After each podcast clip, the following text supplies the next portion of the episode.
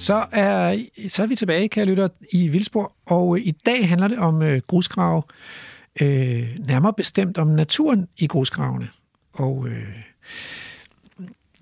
Lærker Emil er taget på reportage med en biolog øh, oppe på Syddjurs, en biolog fra Syddjurs Kommune faktisk, og øh, han viser dem rundt blandt øh, æderkopper og præstekraver, og jeg skal komme, komme efter dig oppe i, øh, i nogle grusgrave øh, på Djursland. Og øh, bagefter så skal jeg tale med en politiker fra Region Midtjylland, som øhm, øh, har, sidder med ansvaret, kan man sige, det politiske ansvar for at afveje alle de her interesser, samfundet har i grusgravene. Blandt andet interessen til en øh, rig og mangfoldig natur. Men øh, først afsted til Djursland.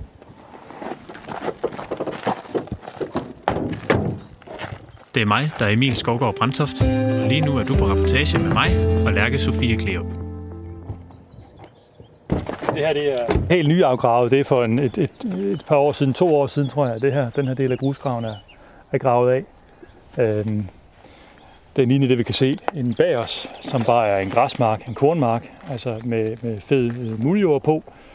Men situationen var den, at grusgravens ejer ville gerne øh, til at lave en indvinding af noget af det, han havde lagt til side for 30 år siden. Noget stabilgrus, noget kalkholdigt stabilgrus, som han ikke kunne afsætte dengang. Det var der så kommet penge i nu, så nu ville han gerne øh, til at indvinde det.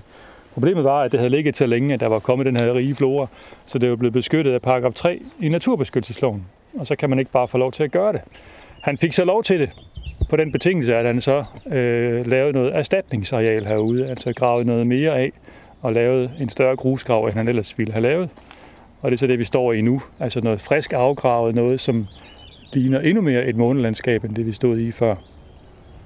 Og han har gravet ja, et par meter af noget i den stil. Ikke? Uh, man kan se, vi ser nogle gamle telefonpæle, der står på nogle små bakker, som er sådan en 4 meter høje. Ikke? Ja. Det er jo det, som var det oprindelige terræn. Og lige nu er der jo ikke specielt meget øh, planteliv eller andet liv at se lige her øh, på, på stedet. Der er nogle spredte små græsture, spredte individer af valmuer og så videre. Ikke? Men det er sådan her, det er set ud fra starten af, der hvor, i den del af grusgræn, hvor det er, hvor det er godt i dag. Så de andre arter, de kommer her lige så stille. Der er gul kløver og humlesneglebæl, der er begyndt at indvandre. Og hvis vi går lidt længere ned af stykket her, så kan vi se en sø, der er opstået, hvor der yngler lidt forskellige interessante fugle. Øh. Jamen lad os prøve at stille og roligt at bevæge os derned og se, om vi finder noget sjovt undervejs. Og da jeg var her for to år siden, tror jeg, øh, der var der en stor hornugle, der lettede lige fra det krat derovre, de der 30 meter mig. Så den kunne også sagtens tænke sig at yngle herude stadigvæk.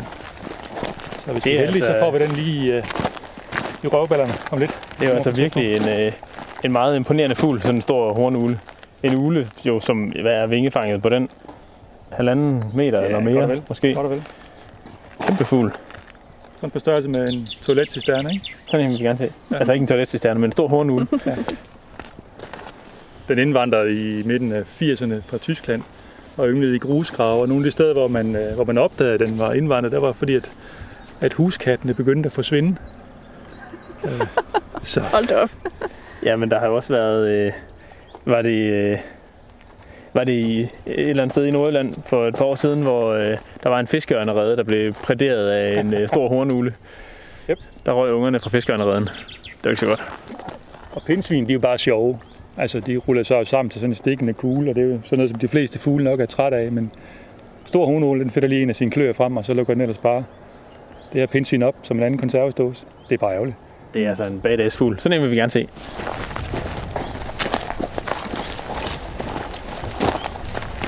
Nogle af de blomsterplanter, der, der holder allermest af de her forstyrrede områder, det er de der ærteblomstrede. Det er sådan noget som øh, kløverarterne, sneglebæl og så videre. Og så den, der hedder rundbæl, øh, som står med nogle store gule øh, blomsterhoveder. Der står en her. Den har det lidt skidt. Og den er sjov, fordi den er, den er foderplante for den lille sommerfugl, der hedder dværgblåfugl. Øh, larven af dværgblåfugl, den lever kun af rundbæl. Øh, og rundbæl, den står altså kun på sådan nogle forstyrrede jorder. Det er vejskrænter eller små skred, øh, eller som her i grusgrave. Ikke også? Så, så det er altså en sommerfugl, som er stort set afhængig af, at der bliver rodet i jorden. Og hvis ikke det er vilde dyr, store græsser, der gør det, eller hvis ikke der sker skred eller andre store forstyrrelser, jamen så, øh, så skal der mennesker til for at grave et hul i jorden og skrabe den der næringsrige topjord væk. Men det er jo interessant at stå her og, og tænke, at det her det er for... Altså, nu nævnte du, at det her det var ligesom græsmarken over bagved, ja, ja. Over bagved før. Ikke? Så, så hvis udgangspunktet for det her, inden der blev gravet de her 4 meter ned, bare var sådan næringsrig muljord med, med græs i omdrift, så er det her jo øh, en gigantisk løft for, øh, i naturkvalitet. Ja, det må man sige. Øh, så, så hvis man øh, hurtigt skal gøre et eller andet for naturen, et sted, hvor der er for mange næringsstoffer, og for meget græs osv., jamen, så er det bare at finde øh, gravemaskinen frem, og så grave ned, til man kommer ned til noget mere øh, jomfruelig, mineralsk, øh, næringsfattig jord. Så kommer det kun an på, hvad der er af arter i nærheden, der ja. kan indvandre på arealet. Ikke? Og det gælder jo på alle skalaer. Altså det, hvis man synes, man har for meget græs hjemme i sin have, så kan man jo øh, gøre det der, eller man kan gøre det ude i landskabet på grusgravsskala, som, som det vi står i her. Ja. Men altså, øh, fidusen ved grusgrav er det, at de, de ofte er store, øh, og jo større de her naturområder, man så laver, de er, jo mere robuste er de jo også øh, over for altså naturlige variationer i. Der kan komme en tør sommer, en våd sommer, en varm sommer, en kold sommer, ikke også? Og jo større de her grusgrave jo er, øh, desto mere robuste bliver de bestande, der lever der så også, fordi der altid er et hjørne af, af sådan en grusgrav der, som, som er lige en tand tørre, eller varmere, eller koldere, eller vådere end resten, ikke? også hvor man så kan holde ud i et, ja. et, et år, hvor det ikke lige passer. Øh, så, så det er det, der, der, der er gevinsten ved dem, det er, at de ofte er mange hektar store, ikke? Og bliver robuste på den måde. Hvordan ser det egentlig sådan generelt ud med grusgravene i Danmark? Får de lov til bare at ligge hen, når de er færdige med at blive brugt, eller bliver de brugt til noget andet efterfølgende? Det er jo noget, man aftaler øh, med, med lodsejere, når man giver den her indvindingstilladelse i sin tid. Når myndighederne giver øh, den, der gerne vil grave grus, lov til at, at grave der, så stiller man nogle vilkår om, hvordan der skal efterbehandles. Og hvis lodsejer vil have, at han skal kunne dyrke jorden efterfølgende, men så bliver der stillet vilkår om, at, at der bliver lagt noget, noget muld på. Øh, hvis lodsejer er ligeglad, men så gør man det ikke, og så efterlader man den her bare grus, øh, grusjord øh, efterfølgende, og så, og så bliver det fint. Men det er helt op til lodsejer, øh, hvad der skal ske med arealet efterfølgende. Øh, der sker så nogle gange det, at, at sådan en efterbehandlingsplan, det her vilkår om, at det skal ligge og udvikle sig til, til natur, ikke bliver overholdt. Der bliver lige lagt noget muld på, eller plantet noget skov osv. Det er så op til myndighederne at håndhæve det og få det og få det retableret i henhold til planen. Det er så ikke altid, det sker, desværre. ja, men det er jo også, altså, når man står og kigger, sådan, når man er vant til sådan et landskab, hvor tingene er ordnet, og hvor, øh, hvor der ligesom er styr på det, så, så kan det her måske godt provokere en lille smule. Noget, der sådan er, det ser ufærdigt ud, og det er blevet efterladt, øh, som om nogen har sprunget en bombe, og, øh, eller kørt en kæmpe stor gravko igennem. Øh, og det ser sådan lidt, det skærer lidt i, i den der ordenssans. Og, og måske er det noget af det, der, der, der også spiller ind. Kunne man forestille sig, når, når sådan noget det bliver... Når, når man gerne vil rydde op? Eller hvad ja, ja, man kan sige, i mange år så betragtede man jo øh, de her grusgrave som ar i landskabet, ikke også noget, der skulle repareres på, fordi der var et hul i landskabet, og man havde skæmmet geologien og, og det hele, og derfor gjorde man meget ud af at, at få det retableret, så, så højdeniveauerne var de samme og så videre, ikke? Men Øh, senere så er det så blevet lidt mere måske fokus på, at, at ting godt må, må ligge, uden nødvendigvis at, øh, at skulle producere noget, eller, eller ligne det, det var før. Og man kan også nogle steder synliggøre geologien, altså de forskellige geologiske lag er jo synlige nu, fordi man har gravet ned til dem i forhold til, hvad de var før. Ikke? Skal vi prøve at gå lidt længere dernede af? Det er mig, der er Lærke Sofie Gleup, og lige nu er du på reportage med mig og Emil Skovgaard Brandtoft. Men med hensyn til, til efterbehandling af grusgravene, så er der ofte det ønske der fra lodsejers side om, at, at han får sin, sin landbrugsjord tilbage, øh, efter man har indvundet det her grus, som jo er en samfundsinteresse, at man skal, at man skal indvinde. Der kom en lille præstekrav, ja. Men altså, ulempen ved det, det øh, skal man jo bare spørge øh, drikkevandsfolkene om, dem der sidder og sikrer rent drikkevand inde i kommunerne, fordi man er lige pludselig kommet adskillige meter tættere på grundvandet. Og nogle gange så er det grundvand, vi drikker, det er jo isoleret af måske et mange meter tykt lerlag langt ned i jorden, men rigtig mange steder, så er det faktisk det samme grundvandsmagasin, som ligger helt oppe ved jordoverfladen, og som man kommer helt tæt på, når man har, har gravet alt gruset væk. Øh, så, så ofte vil der være en drikkevandsinteresse øh, at beskytte, og derfor øh, vil det være uheldigt, hvis man lukker op for, at man lægger muld på, så man kan, så man kan dyrke det igen. Så det er tit i de situationer, hvor der både naturmæssigt og drikkevandsmæssigt er en fordel ved at retablere det til, til overdrevsnatur, altså det her blomsterrige græslandsnatur, ved bare at lade det ligge. Ikke? Nu øh, er vi så kommet ned til en sø, der er opstået, efter man har gravet, gravet gruset væk. Og det er en ganske lavvandet sø, men er kun lige ned og, og tage en halv meter, øh, halv meter grus af øh, i det allerøverste af grundvandet. Så det er en ganske lavvandet sø og fladbundet, og den kan stå og, og vokse og skrumpe henover, henover over året efter, hvor, hvor høj grundvandstanden den er. Så den får den her dynamiske lavvandede bredzone, hvor øh, undervandsplanter de kan, de kan etablere sig. Mange søer de bliver gravet med stejle kanter, så man har en pæn og ordentlig overgang fra land til vand, men det gør bare, at langt det meste af plantelivet og alt det, der er afhængigt af plantelivet, det forsvinder.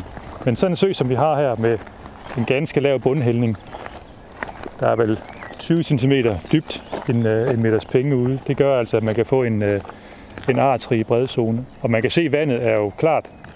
Det er ikke grønt af alger eller øh, ligner kaffe latte, fordi der er øh, jordpartikler eller drænvand eller noget andet, øh, der er lidt til. Det er fuldstændig spritklart vand. Øhm, og det betyder også bare, at det er meget nemmere at være undervandsplante dernede, fordi der rent faktisk kommer lys ned.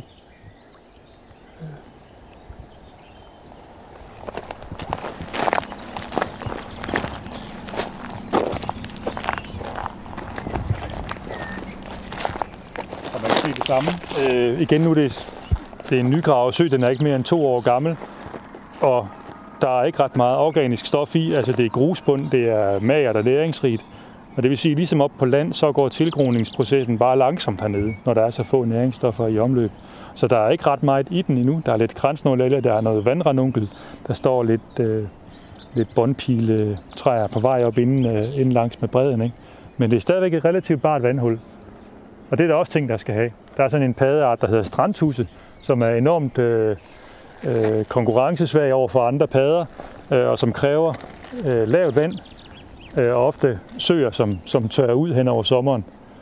Øh, den kan færdiggøre sin udvikling på ganske få uger, hvis man har et, et, øh, et ynglevandhul, hvor, hvor vandet er lavt nok, og vandtemperaturen er, er lav nok. Og det er sådan en, som også har gavn af de her grusgravsøer, som ofte er meget lavvandet, og kun er der fra maj til august for eksempel. Ikke? Så den kunne godt have været her. Den har været i en grusgrav i nærheden, den her strandtuse, men øh, den er desværre uddød. Også derfra. Hvordan er det med, hvordan er det med andre paddearter i sådan et vandhul som det her? Altså, øh, puha. Altså, der er sådan en art som stor vandsalamander. Den er også rigtig glad for de her grusgrave. Den øh, skal også have, have ren vand øh, og uden fisk. Øh, fisk er noget af det værste, der kan ske for et vandhul. Hvis man sætter fisk ud, så ryger halvdelen af faunaen på ingen tid. Øh, og haletusser. De fleste arter smager rigtig godt, og også store vandselementer. Så hvis man har de her nye etablerede søer i de her grusgrav, og man lader være med at sætte fisk ud, så vil store vandselementer også hurtigt indfinde sig. Når den går på land, så skal den gemme sig enten under øh, døde stykker træ eller under, under store sten. Øh, og det er der masser af herude. Så det er sådan en, som vi forventer at finde meget hurtigt i sådan en sø som den her, lige så snart der begynder at være mad nok til den. Den skal have nogle sumpplanter, som øh, forglem mig ej, eller vandmynte eller noget lignende, og lægge sine æg på. Hunden lægger et æg på undersiden af sådan et blad og folder det så sammen om det. Det er som man tit kan finde det. Man kan se de her sammenfoldede blade. Ikke? Men i den her sø, der er der simpelthen ikke liv nok endnu. Øh, der er ikke sumpplanter nok endnu til, at den kan være her, så den har ikke indfundet sig endnu. Men strandhuset ville fint kunne være her. Så vil de simpelthen lægge de her haletusser inde på 1 cm vand, næsten på land, og ligger solbade, og så bare ligger og gnaske alger i sig. Men noget andet, der også lever her, det er jo lille præstekrave. Den yngler jo naturligt langs med flodbredder, stenede flodbredder og, og bare sandede, grusede søbredder. Og de fleste af vores søer i dag, de er jo så ødelagt af næringsstoffer. Så søbredderne, de er jo dækket af dunhammer eller, eller tagrør.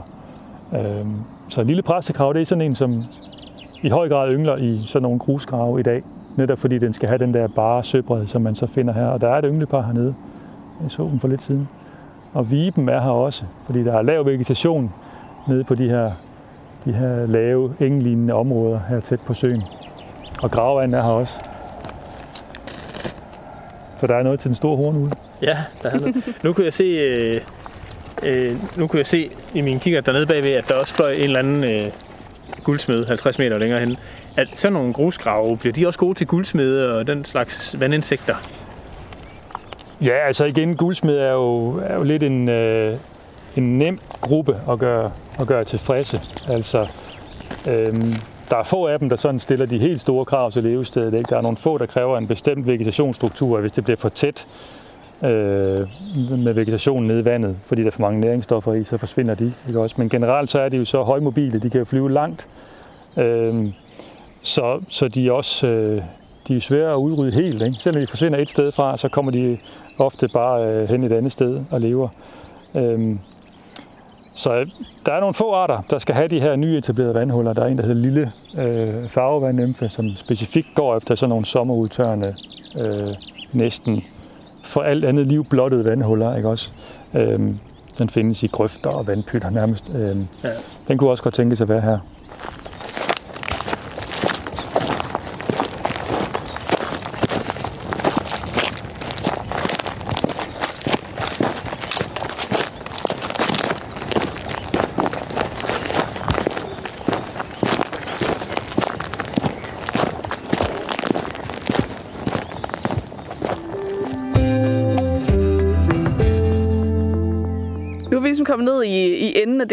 Grusgravstykker. vi har lige gået og kigget lidt øh, på nogle spor for både øh, krondyr og, og grævlinge.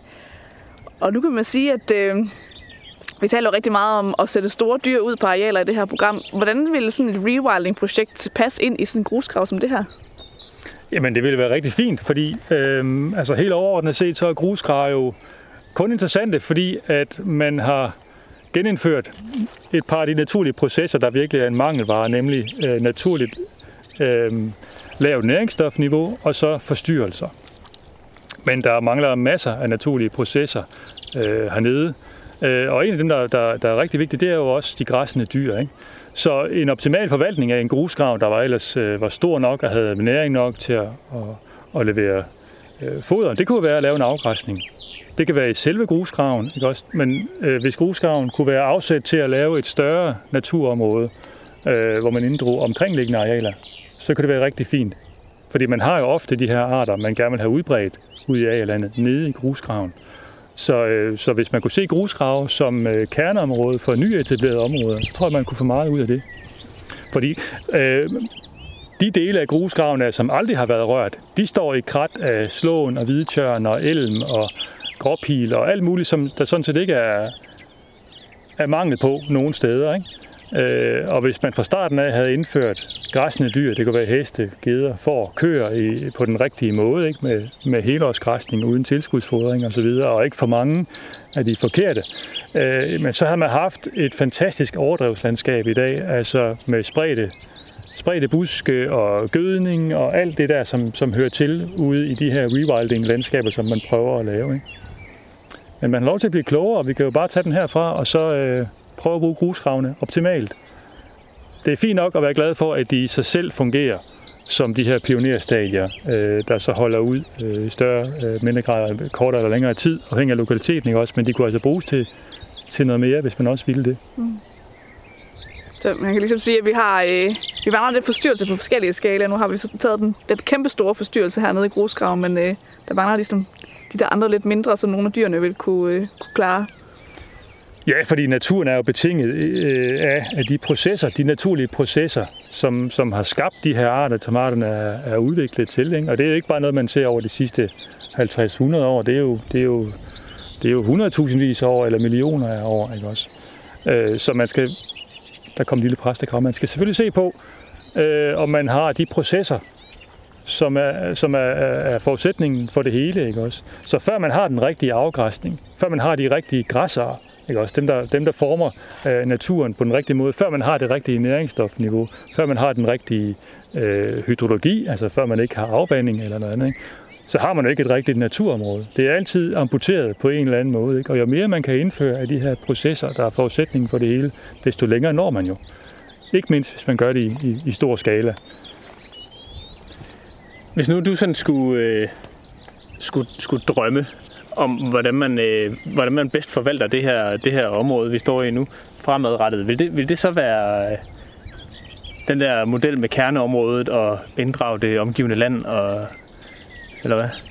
Ja, altså igen er det et spørgsmål om, om, om effektivitet, ikke også? Og man skal heller ikke nødvendigvis inddrage nogle, nogle øh, højdydende kornmarker, hvis ikke det øh, i sig selv bidrager specielt til naturen. Det kommer an på, hvad man kan få bundet sammen. Nu står vi jo de her 7-8 km fra, fra havet, og øh, to kilometer fra en, en tidligere afgravet grusgrav, der hænger sammen med, med de her rullestens øh, strande nede ved Rugård Strand og så videre. Så det kunne være fantastisk at lave et stort øh, græsningsområde herfra og ned langs med Hoved Å, ned til Glatved og, og Rugård Strand, og så mange kilometer ned forbi øh, Rugård øh, Skov og så videre. Ikke? Fordi det er altså noget natur, som ikke bare i lokal eller national skala er enestående, men det er altså på europæisk øh, niveau betydningsfuldt med de her, øh, det her kystnatur, vi har her på Djursland, som så rækker ind i landet, fordi vi netop har lavet de her grusgrave. Ikke? Og man kunne godt fylde de her grusgrave op og gå tilbage til det, som, øh, som var her for 100 år siden, så vi kun havde den her øh, tørre, stenede steppenatur nede ved kysten. Øh, men når vi nu har de her grusgrave nu, som ikke er til så meget andet, der er jo ikke nogen, der har de store interesser i dem, udover de planter og dyr og svampe, der kan være. Så synes jeg godt, man kunne overveje at, at binde det hele sammen og lave noget majestætisk, monumentalt. Ja, det, det, er jo, øh, det er jo lige Vildspors ånd, kan man sige.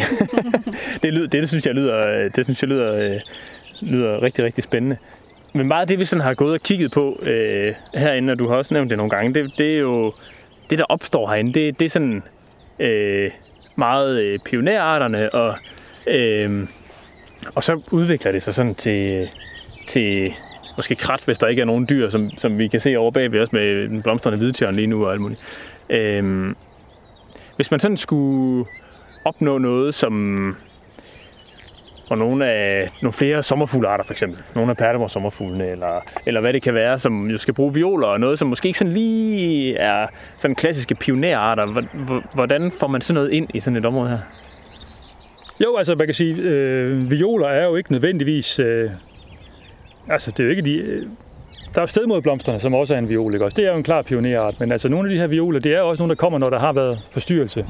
Øh, men de tager lang tid om at etablere sig, og er måske lidt konkurrencesvage lige i starten. Ikke også? Men, men måden at lave violer på, det er jo sådan set forstyrrelse, og så skal man i en periode opretholde gode betingelser for dem. Ikke også?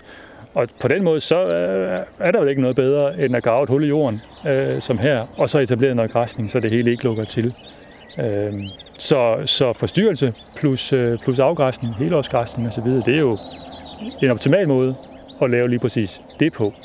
Så der er sådan set ikke nogen modsætning imod, imellem det, imellem violer, og så er det den naturlige proces, der hedder, der hedder afgræsning. Det er bare at, at skrue det rigtigt sammen. Ikke?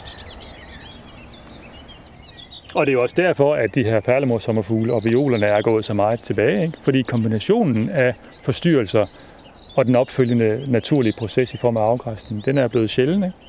Man havde det jo engang med, med, øhm, med marker, der var dyrket en periode, og så lå det måske til afgræsning efterfølgende, ikke også? Øh, men nu er alting jo dyrket hvert år, ikke? og det, der ikke bliver udnyttet, det er totalt uudnyttet, ikke? der står og vokser til i krat, og så forsvinder sådan nogen som hundeviol og hårdeviol, ikke? som de her øh, perlemus øh, sommerfugle, de skal leve af. Jeg synes faktisk, at, at den store lektie, øh, hvis jeg må holde over ø og, og øse, så at sige, øh, af de her grusgrave, det er netop, hvad der sker, når man genindfører de her forstyrrelser. Ikke også? Og hvad der sker, når man ikke har forhøjet næringsstofniveau, som man har ude af landet. Ikke? Fordi øh, sådan her har rigtig meget jo set ud for 200-300 år siden, eller 5.000 år siden. Ikke? Men mere hist og pist. Ikke? Det har ikke været isoleret i nogle øh, grusgrave langt spredt fra hinanden. Ikke? Det har været en del af naturen. Måske en halv kvadratmeter, måske 100 kvadratmeter, måske 500 kvadratmeter. Ikke også? Det, det ene sted, det ene år. Året efter har det været et andet sted. Ikke også? Øh, så, så det har været naturligt med den her overvægt af blomster over græsser rigtig mange steder i naturen. Ikke? Men det er blevet for ensartet, fordi at, øh, at, at driften har været betinget af landbrugsdrift i virkeligheden. Ikke? Det har jo ikke været øh, øh, naturlige økosystemer, der har kørt. Det har jo været, været græsset med, med landbrugshensyn, ikke også, øh, rigtig mange steder. Man hører det jo stadigvæk også, øh, også ja, hvad hedder sådan noget, jeg har sågar hørt en statsskovrider sige, at, at øh, med hensyn til, til øh, at pleje vores beskyttede natur, så er det i virkeligheden kulturlandskabet, vi jo forsøger at fremme, ikke også? Og det er jo noget vås i virkeligheden, ikke også? Fordi alle de arter, som det hele handler om, de var her jo før vi begyndte at dyrke landskabet, ikke også? Og det er det, der er hele pointen med det her rewilding, ikke også? Det er, at man skal væk fra at lave græsning som en landbrugsdrift, og så sørge for at indføre græsning, for eksempel, som den naturlige proces, den er. Og som betingelse for alt det andet derude, ikke? Så kombinationen af, af forstyrrelse og afgræsning i gruskrav vil helt sikkert give en hel masse. Og gruskraven er så et eksempel på, hvad forstyrrelse alene kan gøre, og der når man altså virkelig, virkelig langt. Ikke? Så hvis man blev lidt mindre forskrækket over at lave små forstyrrelser ude i vores beskyttede natur, øh, så tror jeg også, man kunne nå længere der i virkeligheden. Ikke? Nu har vi jo sådan været øh, øh, på hele turen ned igennem, øh, igennem øh, den her, øh, den her grusgrav her, hvor vi startede op ved sådan en efterladt grusdynge, som stod øh, en 7-8 meter høj og øh, var fuldstændig, fuldstændig knastør med nogle, øh, nogle fine urter og, øh, og sådan noget. Og nu vi så står vi her helt her øh, nede i bunden og jogger lidt i lidt, øh, lidt, lidt sharp her, øh, hvor der nede ved søen her nede i den, i den laveste del af grusgraven. Det har været en enormt øh, spændende tur, synes jeg, ned igennem det her, og se, hvad er det, de her øh, grusgrav kan af de forskellige øh, stadier. Noget, der har ligget lidt længere, og noget, der, der er relativt ny, øh, nygravet, og se, hvad det egentlig kan. Så tak, Lars, fordi du øh, vil vise os lidt rundt og fortælle os om, hvad det er, grusgravene har at byde på. Det gjorde jeg gerne. Og så skal vi måske også huske at sige tak til Gert Svit for at lade os øh, komme herind og øh, låne hans grusgrav til at lave et radioprogram. Du lytter til Radio 4. Så er vi tilbage i studiet, og øh, i første time talte jeg med en øh, sagsbehandler, Arance øh, Norntoft fra øh, Region Midt, og det er jo helt åbenlyst, at øh, man skal ikke bare overholde lovgivningen, men der er også en politisk opgave med at afveje hensyn til øh, samfundets behov for råstoffer og landmændenes behov for jord og de økonomiske konsekvenser osv. Og så, og så de der vilde arters behov for at have et godt og dejligt levested nede i de her grusgrave, når man er færdig med at grave grus. Så jeg tænker, at øh, jeg skal ringe til sådan en politiker, og jeg har fundet ud af, at øh, Jørgen Nørby er den rigtige at tale med. Han er valgt for Venstre til Region Midt og sidder med det her ansvar, øh, blandt andet for grusgravene. Ja, det er Jørgen Nørby. Det er Rasmus Ejernes fra programmet Vildspor på Radio 4. Ja, goddag. Jeg skal lige have helt styr på, øh, fordi du er jo valgt ind i øh, regionsrådet for Venstre, og du sidder på en eller anden måde i en central rolle i forhold til det her øh, råstofplanlægning. Jeg sidder som formand for regional udvikling. Lige præcis. Øh, og nu har jeg nemlig haft sådan en sagsbehandler i studiet her i, øh, i først, programmets første time, hvor vi har talt lidt om, hvordan gør man egentlig, når man, øh, når man laver en råstofplan, og når man giver en tilladelse, og, og, og hvad er det for nogle forhandlinger, man skal igennem med, med lodsejere og med indvinder og sådan noget. Men det er jo klart, at der er også et politisk spørgsmål. Altså, hvordan afvejer man de her forskellige samfundsinteresser i råstofgravningen i forhold til natur- og miljøinteresser? Og det vil jeg gerne tale med dig om. Um, men øh, det er du velkommen til. Herligt. Øh, så mit første spørgsmål vil, vil være, altså, øh, øh, hvad er sådan, hvad kan man sige, hvis man kan tale om politiske visioner, men er der nogle politiske visioner for fremtidens grusgrav? Ja, jamen det er der jo absolut. Øh, vi kan jo starte med at sige, at vi er blevet pålagt opgaven, at vi skal sikre, at der er de nødvendige råstoffer til, til, til de ting, der skal laves i, i, i, Danmark, og, og reelt så har vi en eksport af råstoffer. Den, øh, den øh, tror jeg, vi er egentlig politisk enige om, at den vil vi godt være for uden, men, men altså, det, er jo ikke, det ligger ikke i vores parti. Så, så regionerne har som opgave og, og, og simpelthen øh, stå for planlægningen og sikre, at der er de nødvendige råstoffer til, til rådighed og til rådighed inden for øh, den mindst mulige afstand fra, hvor, hvor de skal bruges til, til vejbyggeri og til øh, større byggerier i byer og, og, og så videre. Og den næste del af det, det er jo så at sige, at alle de huller, altså, hvis vi kigger sådan tilbage i, i, i tiden, så tror jeg, at vi jo alle sammen øh, kender masser af eksempler på, på gamle råstofgrave, og det ligner Jerusalems nedlæggelse, og det hele det, øh, det ligger tilbage, øh, uden at nogen har gjort noget som helst ved det. Men, men øh, heldigvis er der jo også eksempler på, at et råstofområde kan blive til et fantastisk øh, rekreativt øh, område efterfølgende, eller til et, et naturområde øh, for, for, for vildt. Det har vi jo for eksempel her i Lavie, hvor, hvor hvad hedder det, øh, vores tidligere chef for NTC, øh, ja, hvad hed han nu, øh, som, som simpelthen øh, fik, fik, han fik jo så også øh, miljøprisen af Svend Augen tidligere tilbage for, for at reetablere hele det der kæmpe område, der var, der var gravet ude i, i Rom. Og øh, Hartvig hedder han. Altså, som Hartvig sagde engang, jamen, øh, man kan ikke få penge øh, Øh, til, til at, at, at, at lave noget pænt. Men, men så hittede vi på øh, her i Lamé, at, at vi, kunne jo, vi kunne jo lave nogle efteruddannelseskurser for vores personale, øh, og så vi kunne beholde dem i, i vinterhalvåret. Og øh, så var det jo ikke forbudt, at vi, øh, vi så også brugte maskinerne til at, at, at lave efterbehandling af råstofgraven. Vi gjorde jo simpelthen, at han øh, fik reetableret de der cirka 100 hektar derude, og fik lavet øh, søer, fik plantet til, fik lavet høje, og i dag er det jo simpelthen Eldorado for, for, for, for, for vildt og et fantastisk naturområde, øh, der, der ligger tilbage derude. Og det kan jo så sige, hvad er visionerne? Og det tror jeg godt, jeg tør at sige, at øh, det, er, det er en af de ting, som vi i Region Midtjylland har lagt meget vægt på i den nye råstofplan, så langt som vi overhovedet kan komme inden for lovgivningen, fordi vi har desværre ikke fået, øh, jeg har fået, fået magten til at kunne sige, øh, at det skal laves sådan og sådan. Det bliver i et samarbejde med kommunerne. Men ønsket er, at vi graver så få steder som muligt, men øh, vi graver selvfølgelig det, der er nødvendigt, og når vi graver, så graver vi effektivt. Øh, vi udnytter de ressourcer, der er der, så vi får færrest mulige huller i, jorden, og vi får dem også gjort færdige hurtigst muligt, så vi ikke graver flere steder end højst nødvendigt. Hmm. Og når vi så er færdige med at grave, så, så skal området i, i, i fællesskab med, med kommuner og med de lokale borgere øh, gerne bringes, øh, til, eller bringes i en tilstand, hvor de vil sige, øh, jeg ved ikke, om man nogensinde får dem til at sige, at det her det var umagen værd, fordi øh, det er jo altid, hver gang vi kommer ud, så, og det kan jeg jo i og sig godt forstå, ja. at borgerne slår, slår korstegn for sig og siger, at det kan ikke være rimeligt, at vi skal udsættes for det her. Ja. Og øh, det har vi jo også øh, eksempler på, at, at nogen har været udsat for i, ja, det, i halvdelen af deres liv, og men, stadigvæk ikke er færdige. Men, men vi, vi, tager, vi er jo et program på naturens vegne her, og øh, vi spørger selv, ved I godt, politikere godt, at grusgravene faktisk er, øh, hvad kan man sige, et fantastisk eksempel på naturgenopretning af højeste karat.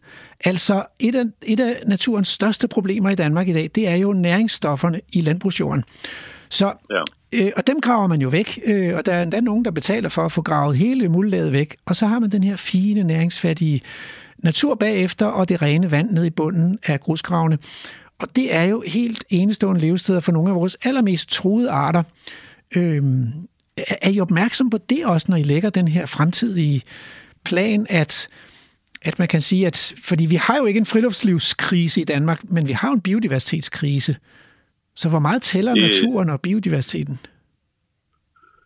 Jamen, øh, nu skal jeg jo passe på med at udtale øh, mig på alles vegne. Nu er jeg jo selv biolog, så, så den del af det, det, det har jeg selvfølgelig øh, øh, prøvet på at få fokus på at sige, hvordan er det, vi gør det, fordi øh, du har jo ret i, at vi har jo netop eksempler på, at øh, råstof, de efterladte råstofgrave, det er jo blevet til nogle, nogle fantastiske områder, også øh, biodiversitetsmæssigt, og vi ser nogle planter, nogle planter kunne, kunne vokse, som vi egentlig ikke troede, vi havde tilbage længere i Danmark, og så ja. kan vi jo fortsætte.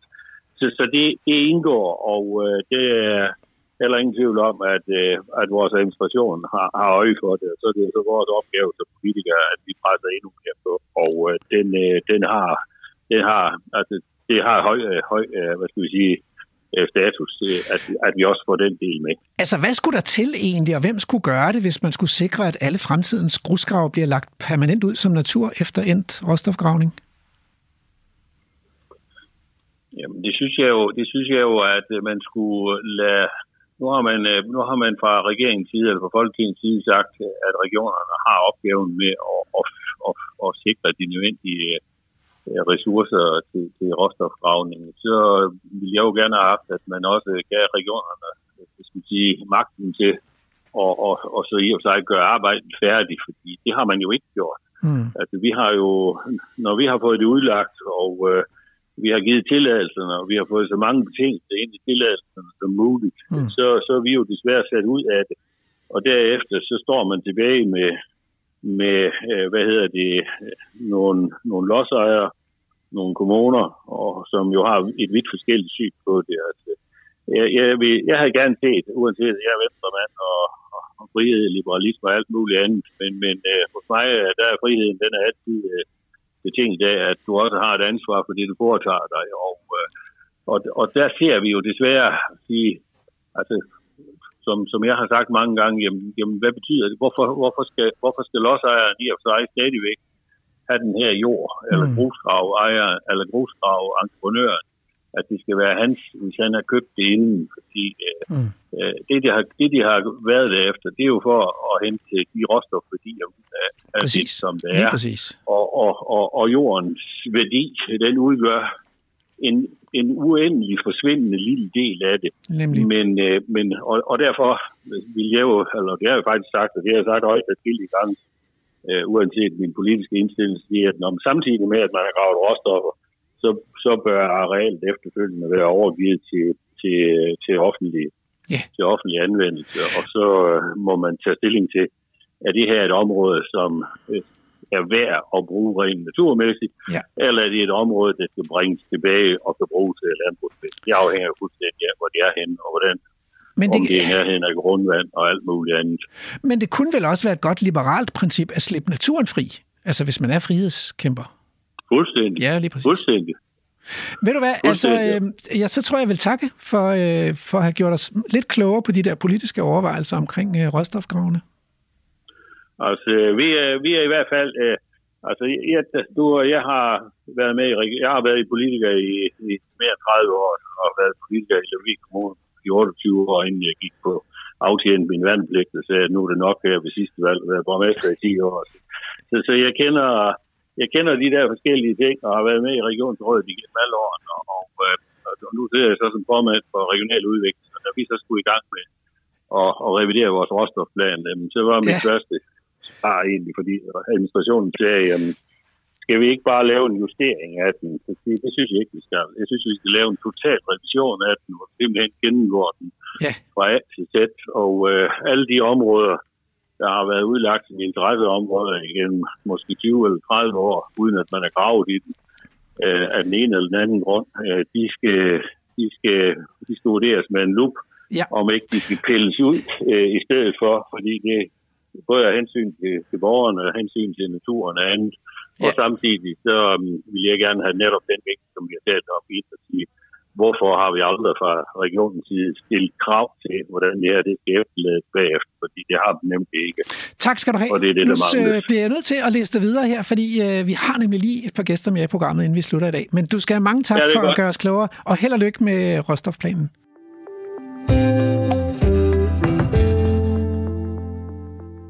Så øh, skal vi i gang med ugens battle, og jeg har faktisk allerede fået professor Carsten Rabeck og seniorforsker Thomas Nord Larsen fra Københavns Universitet med på, øh, på en Skype-forbindelse, eller en Teams-forbindelse.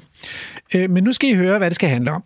Øh, fordi øh, for et par uger siden rapporterede vi fra Naturmødet, hvor der blev talt om øh, urørt natur, plads til naturen og urørt skov. Og øh, og her er det så interessant, at der netop nu er sådan en håndfuld forskerkolleger, blandt andet øh, Carsten og Thomas, som jeg har med fra Københavns Universitet, der har udgivet et notat om urørt skov og klima. Og man kan jo godt altså mellem os, afsløre, at notatet øh, jo udspringer af sådan en stor diskussionslyst i offentligheden om betydningen af urørt skov og dyrkeskov for Danmarks klima. En, øh, en diskussion, som til tider har været ganske intens, og som nu altså har resulteret i sådan et fælles notat, der afspejler den faglige enhed.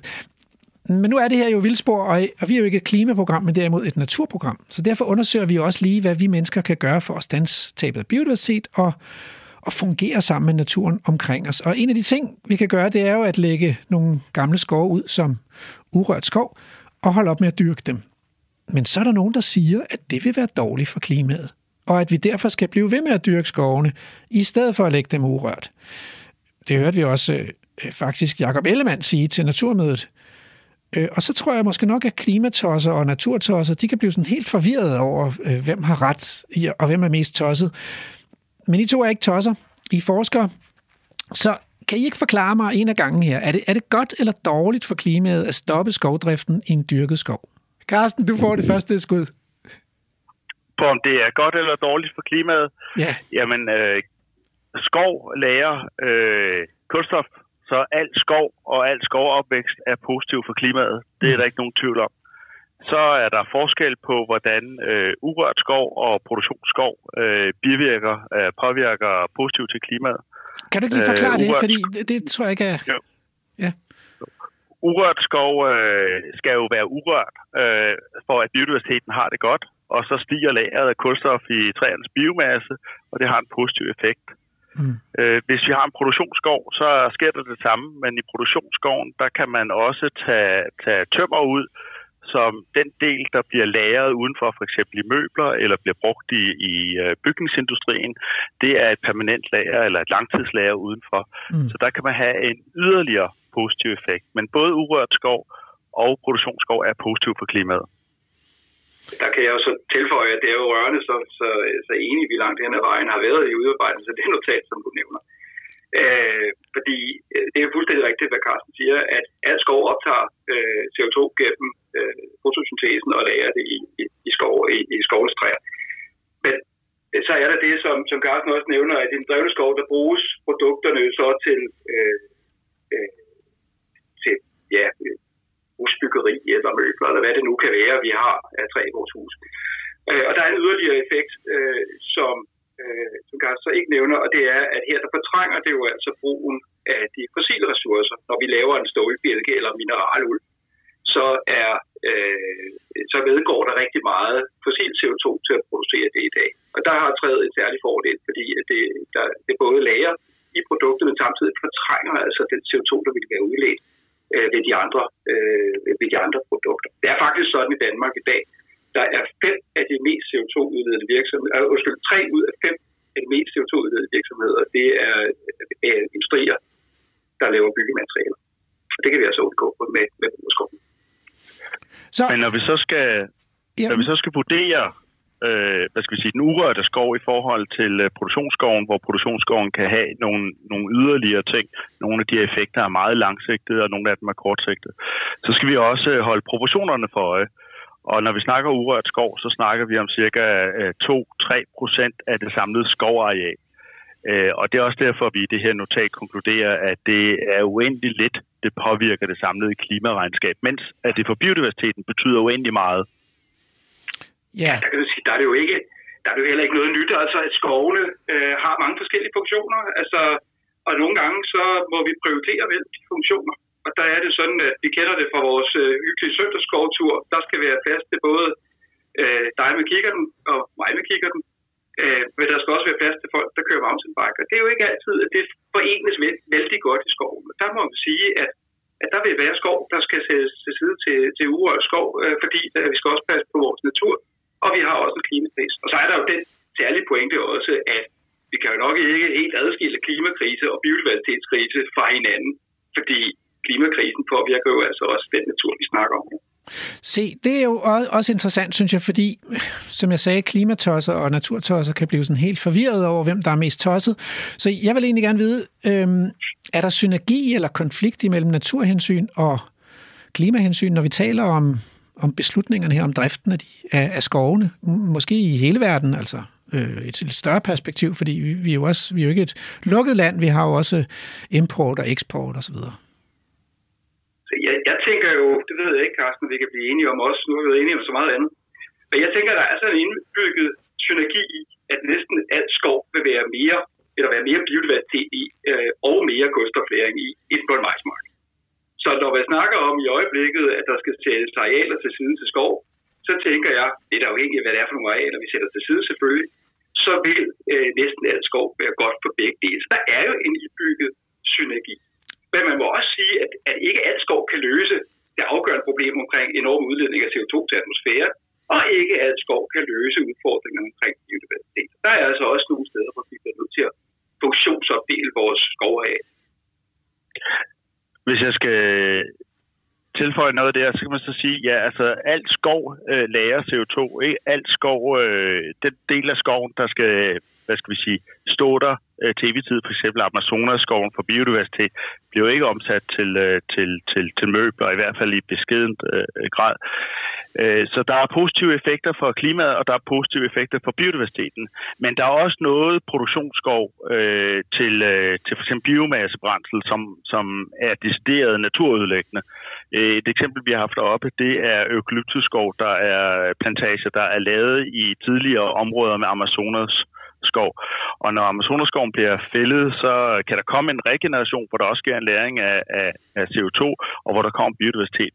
Men der, hvis man vælger at plante eukalyptusskov, som er en fremmed art der, og den ødelægger hele vandcirkulationssystemet, og, der, og den har også giftige blade, og den gør også jorden giftig. Der er ikke noget biodiversitet i den. Mm. Og det er jo blandt andet noget af det, som TV2-nyhederne viste af HOFOR, som er energiselskab i Københavnsområdet, øh, importerer der. Så der er, sådan et, der er eksempler på noget, hvor ikke alt skov er godt for begge ting. Øh, og, og det er ingen tvivl om, at, at brugen af eukalyptusskov øh, er øh, negativt for, for biodiversiteten.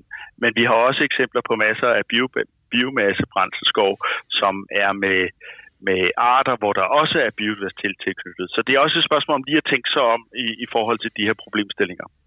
Ja, det, det, det giver rigtig meget mening, ikke? Altså, at vi, jeg, jeg synes jo i virkeligheden, at det bliver et utroligt spændende forskningsfelt her fremadrettet, der, der, der, hvor vi skal prøve på at svare på, hvordan forvalter vi egentlig skovene til gavn for både biodiversitet og klima. Mm. Altså, der vil bevæge skove, som, som du nævner, Carsten, og, og nu bevæger vi os til Amazonas, det er jo langt væk fra de hjemlige grænser, kan man sige.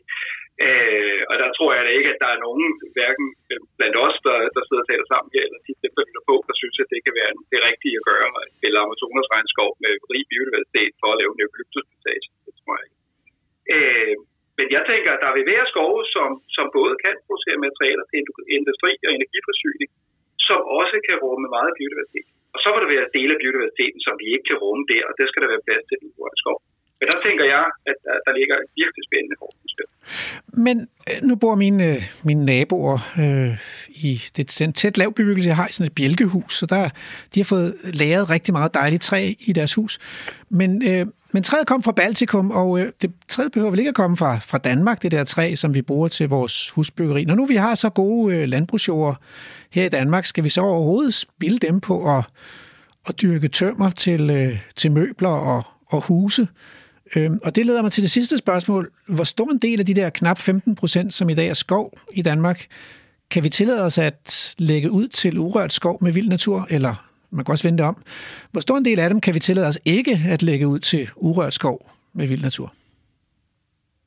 Hvis vi ser på, hvor meget der bliver lagt ud i øjeblikket, så er det et, et par procent, og hvis vi skal nå biodiversitetsmålene, så snakker vi om, at vi skal op på mindst 10 procent, og hvis vi har ca. 625.000 hektar øh, skov i Danmark, så snakker vi jo om, om 60, 70, 80.000 og sådan noget. Og, og mit, altså det vi har lavet i vores notat, der har vi sagt, at det gælder for det, vi peger ud nu, men vi siger også, at, øh, at, der, er nogle, at, at der er en generel gyldighed i de ting, som Thomas og jeg sidder og siger. Så det er klart, det er et spørgsmål at finde balancen, men man, uden at vælte noget som helst klimaregnskab, og uden at være stor negativ, kunne man godt udlægge øh, mere urørt skov. Men det er klart, at hvis man gik op og udlagde, hvad skal vi sige, øh, 80 procent af al skoven i Danmark til urørt skov, så vil der være øh, nogle negative effekter på det klimaregnskab, som ligger i, i øh, erstatning af, af fossile brændstoffer og, og den læring, vi så ikke kan lave i udpræget grad. Og så påpeger du så det med globalisering, fordi Baltikum, hvor vi får rigtig meget også, vi får også en hel del fra Baltikum til vores biomasse, det er så tilfældigvis i noget af den rigtig, rigtig gode biodiversitetsskov i, i Baltikum, der, der bliver fældet der. Så der er sådan en, en, en check-balance-diskussion, det her.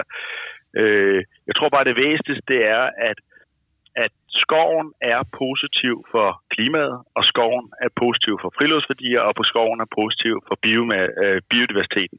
Og så handler det om at finde nogle fornuftige balancer der, og, og den offentlige diskussion, vi har haft, hvor det ligesom har været, at det ene øh, gør ondt, altså er direkte negativt for det andet, det skal vi ud over. For det handler om at finde de her balancer, hvor de er, er fornuftige. Det er ikke hinandens modsætninger. Og... Jeg kan sige, at, at, at det grundlæggende her er jo, at, at valget, hvor meget der skal være øh, af det ene, og hvor meget der skal være af det andet, er jo i, i, i sin grundlag et, en politisk beslutning. Mm. Øh, så det tror jeg ikke, at jeg vil, vil sidde her og kloge mig på, hvor meget der skal være det ene og det andet. Det tror jeg er noget, vi afgør på vores stemmesedler, fordi mm. øh, det er også et spørgsmål om, om prioriteter mennesker imellem. Øh, så så øh, hvis på, spørg, på de spørg, indledende spørgsmål, om vi egentlig ikke bare kunne øh, producere noget, nogle fiskesider her, og så hen vores, øh, vores tre andre steder, så må man jo sige, at, at landbruget, og specielt produktionen af, af grisekød, øh, har voldsomt negative konsekvenser, både på, på landbrugsarealet, så sandelig også på det omgivende areal, både på vandmiljøet og på vores enge og vores heder osv.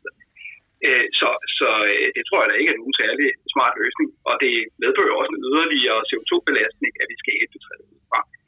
Så det er et spørgsmål om, at vi skal finde en balance for, for både klima og for biodiversitet inden for landets grænser. Det, det er vigtigt klima inden for landets grænser, altså den, det ved jeg sgu ikke helt, om jeg hopper på den. Altså det, vi har vel kun ét klima på jorden, og ikke sådan nogle nationale klimaer? Nej, men i, for, i spørgsmålet om, om vi skal hente vores træ og vores energi fra andre lande, ja.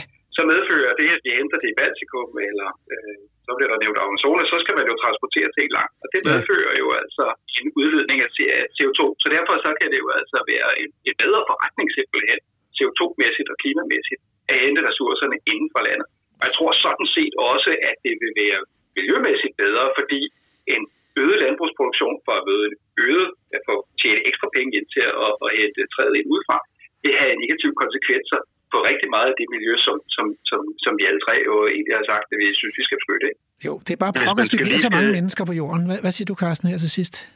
Ja, men jeg vil bare sige, at, øh, at jeg er meget enig med det, Thomas siger. Vi skal se det her i en globaliseringssammenhæng, og, og, og lokalt har ofte en mindre belastning. Hvis vi ser på tropeskovene, som jo er interessante for biodiversiteten, al den stund, at 90 procent af jordens biodiversitet er der i, så 60 procent af ødelæggelsen af tropeskoven kommer fra et efterspørgsel, især for den amerikanske og europæiske og stigende grad kinesiske efterspørgsel på kød eller afgrøder til opfodring af svin og så meget og lignende. Så 60 procent af, så det vil sige 60 procent af den ødelæggelse, der, der kommer øh, i, i tredjeverdensland kommer sådan set for os, og så er der det, som Thomas siger, en, en ret stor CO2-omkostning ved hele den transport rundt af, af, af, af foderafgrøder osv.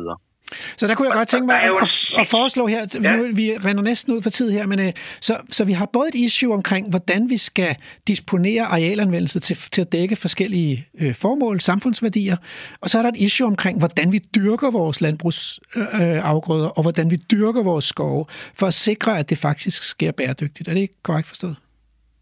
Jo. Ja.